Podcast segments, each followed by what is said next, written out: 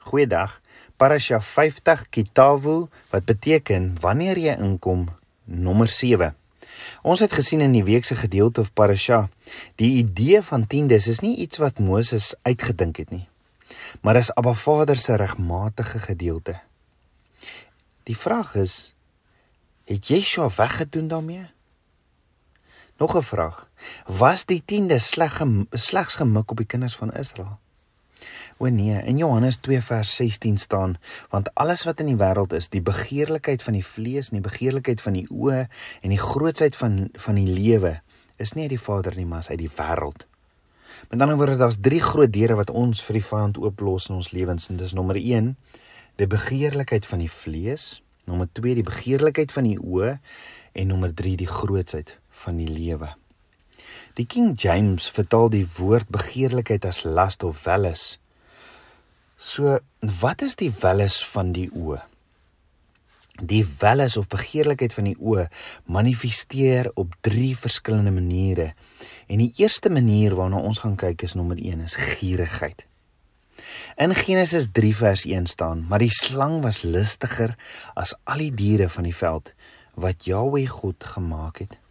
En hy sê vir die vrou: "Is dit ook so dat God gesê het: Julle mag nie eet van al die bome van die tuin nie. Met ander woorde, die eerste ding wat die vyand doen is, hy bring twyfel oor die woord van Abba Vader. Eva antwoord die die vyand, die slang in Genesis 3 vers 2 tot 4: Van die vrugte van die bome in die tuin mag ons eet, maar van die vrugte van die boom wat in die middel van die tuin is, het God gesê julle mag daarvan nie eet nie en dit nie aanroer nie, anders sal julle sterwe. En toe sê die slang vir die vrou: "Julle sal gewis nie sterwe nie." So wat die slang doen is hy sê presies die teenoorgestelde as as wat Abba Vader gesê het. So dis absoluut duidelik dat dat ons die deur oopmaak vir die vyand vir 'n vloek in die lewe en dat dit nie Abba Vader is wat ons vervloek nie, maar dit is ons wat wegstap van Abba Vader, selftoedienende pyn. Die slang gaan verder en sê vir Eva in Genesis 3 vers 5 tot 6: "Maar God weet dat as julle daarvan eet, julle oë sal oopgaan sodat julle soos God sal wees deur goed en kwaad te ken. Toe sien die vrou dat die boom goed was om van te eet en dat hy 'n lus was vir die oë. Ja, 'n boom wat 'n mens kan begeer om verstand te kry en sy neem van sy vrugte en eet en gee ook aan haar man by haar en hy het geëet. Met ander woorde, die vyand se strategie is om my en jou te kry om op 'n Vader se woord te betwyfel. Ja, die vyand is soos 'n is is soos 'n agent wat net aanhou met praat en wat wat my en jou wil kry om ook die hele tyd te praat sodat hy op 'n manier sy voet in die deur kan kry. Eva het toegesien dat die boom goed was om van te eet en dat hy 'n lus was vir die oë. En wat amazing is, Meeste van ons dink dit was die enigste boom wat 'n lus was vir die oë. Dink gou daaroor. Was dit die enigste boom wat 'n lus was vir die oë? Nee. Want hoor gou wat sê Genesis 2 vers 9 en die Here God het allerlei bome uit die grond laat uitsprei begeerlikheid om te sien en goed om van te eet ook die boom van die lewe in die middel van die tuin en die boom van die kennis van goed en kwaad. Met ander woorde, al die bome in die tuin was begeerlik om te sien en let wel, Abba Vader het die bome geskep. Maar die slang het Eva oortuig dat hierdie boom anders was. Die woordjie begeerlikheid of begeerlik is ook soms vertaal as gierigheid.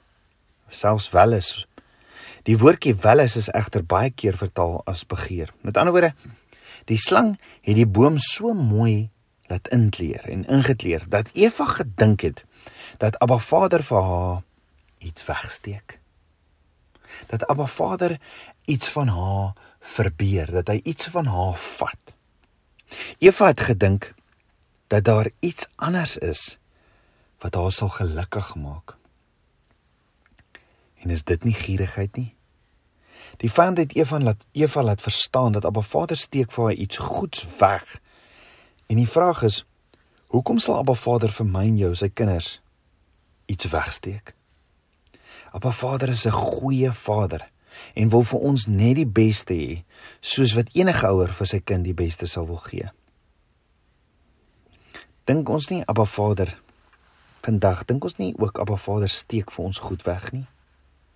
Die vraag is watter tipe God sal sê jy kan van alles eet, maar dit nie want dit is myne. Jy mag nie van hierdie nie want dit is myne. 'n God wat vir ons omgee want hy weet wat se skade daar is. Hy hy gee ons egter ook 'n keuse. So dink gou hieroor, wat is die eerste sonde wat Adam en Eva gedoen het in die tuin van Eden? Adam en Eva het ge, gevat van dit wat aan Abba Vader behoort het. Abba Vader het gesê in Genesis 3 vers 3 van die vrugte van die boom in die tuin mag ons eet, maar van die vrugte van die boom wat in die middel van die tuin is, het God gesê, julle mag daarvan nie eet nie dit nie aanroer nie, anders sal julle sterwe. En dis presies van die boom waarvan hulle toegevat het. So hoekom sal Abba Vader dit doen? Abba Vader doen dit om ons te toets.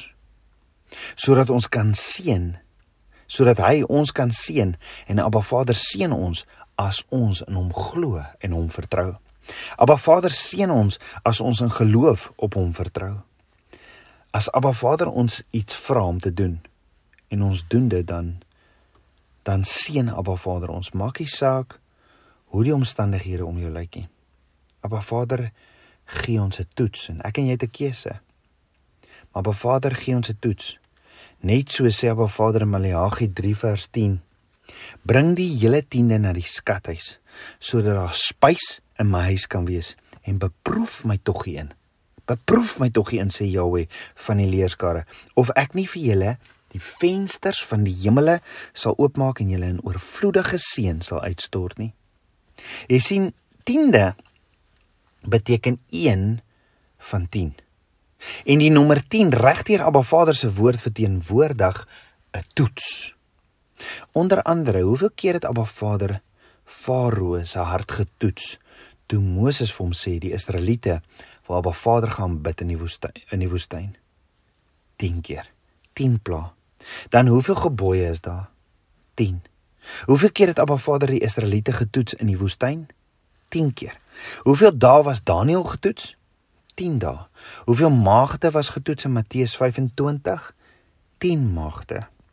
Die nommer 10 verteenwoordig 'n toets en net so word ek en jy elke keer as ons betaal word getoets. Die vraag is vir wie gaan ons dankie sê en wie gaan ons eer met dit wat ons kry?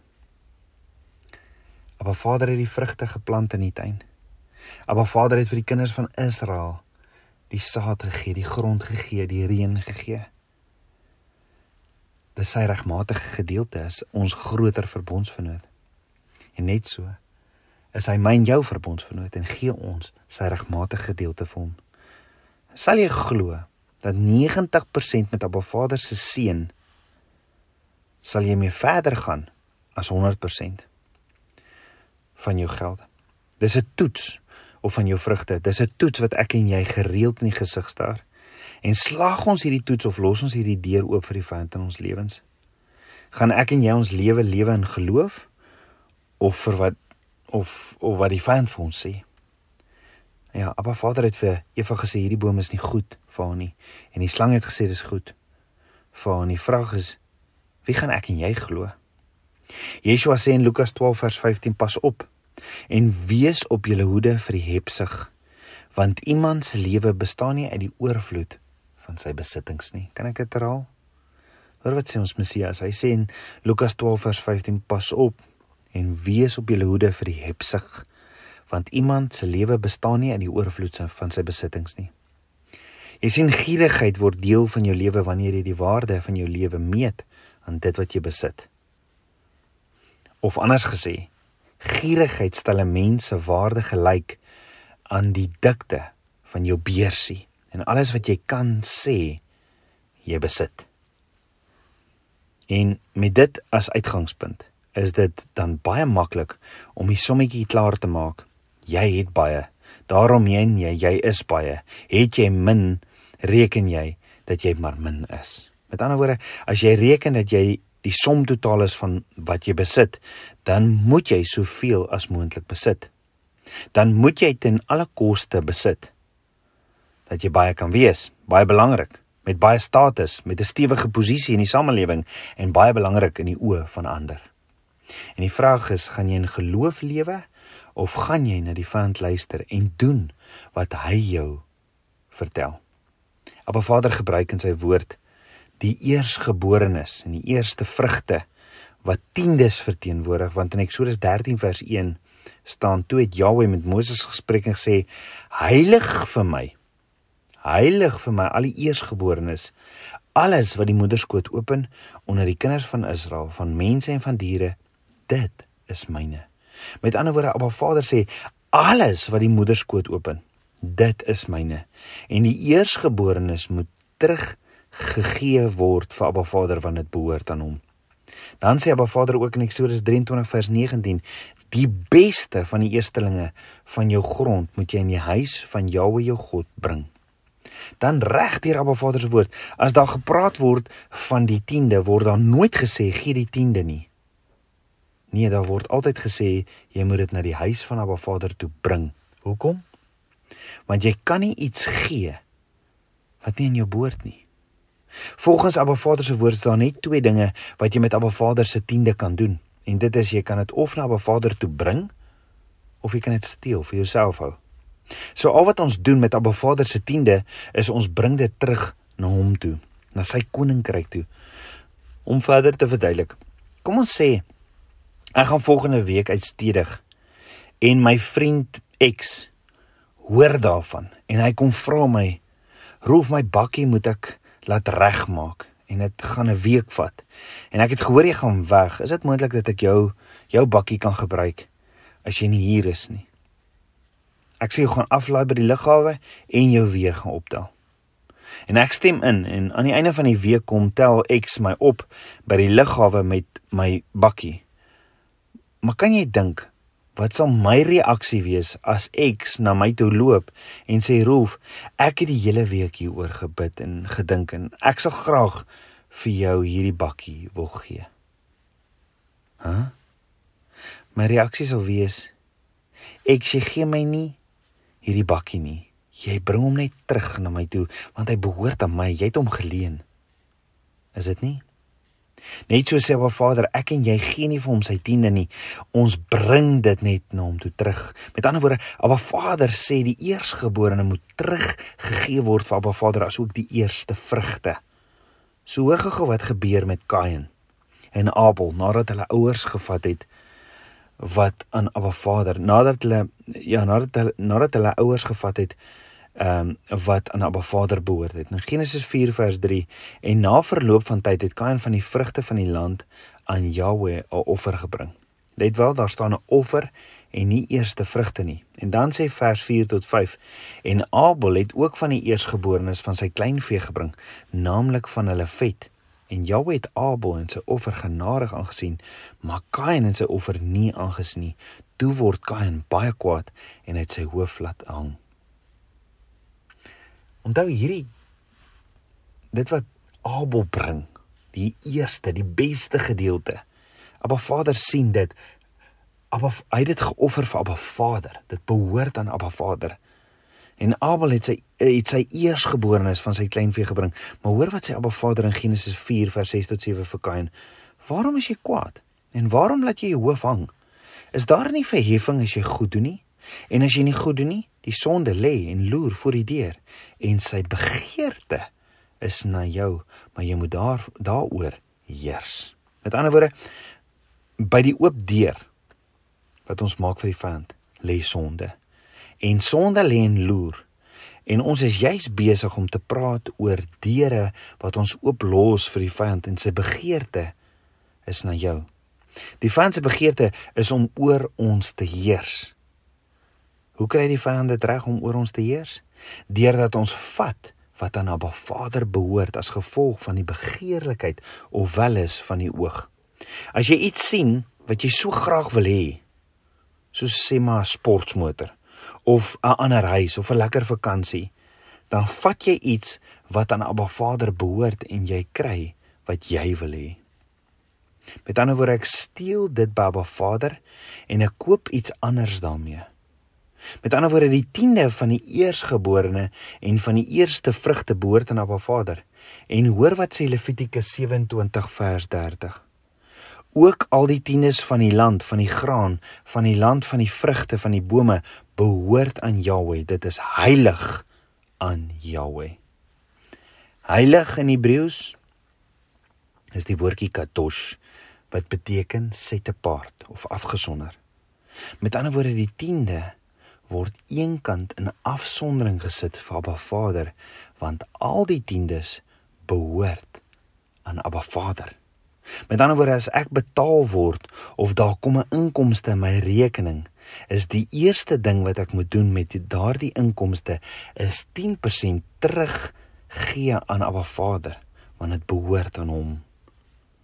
So die eerste plek waar welis van die oë manifesteer in my en jou lewe is deur gierigheid. Kom ons bid saam. Aba Vader, skieper van my hart. Aba, ek loof en ek prys U. Vader, ek gee U my alles. U is my pottebakker en ek net die klei. Vader, U woord wil ek gehoorsaam wees al lyk omstandighede hoe. Was my skoon met die waterbad van U woord van gierigheid en kom leef U droom deur my. Vader, ek wil U my eerste, my beste gee in geloof en vertrou met my hele hart. Want ek is so lief vir U. Ek bid dit alles in Yeshua Messie se naam, die seun van Jahweh. Amen. Shalom.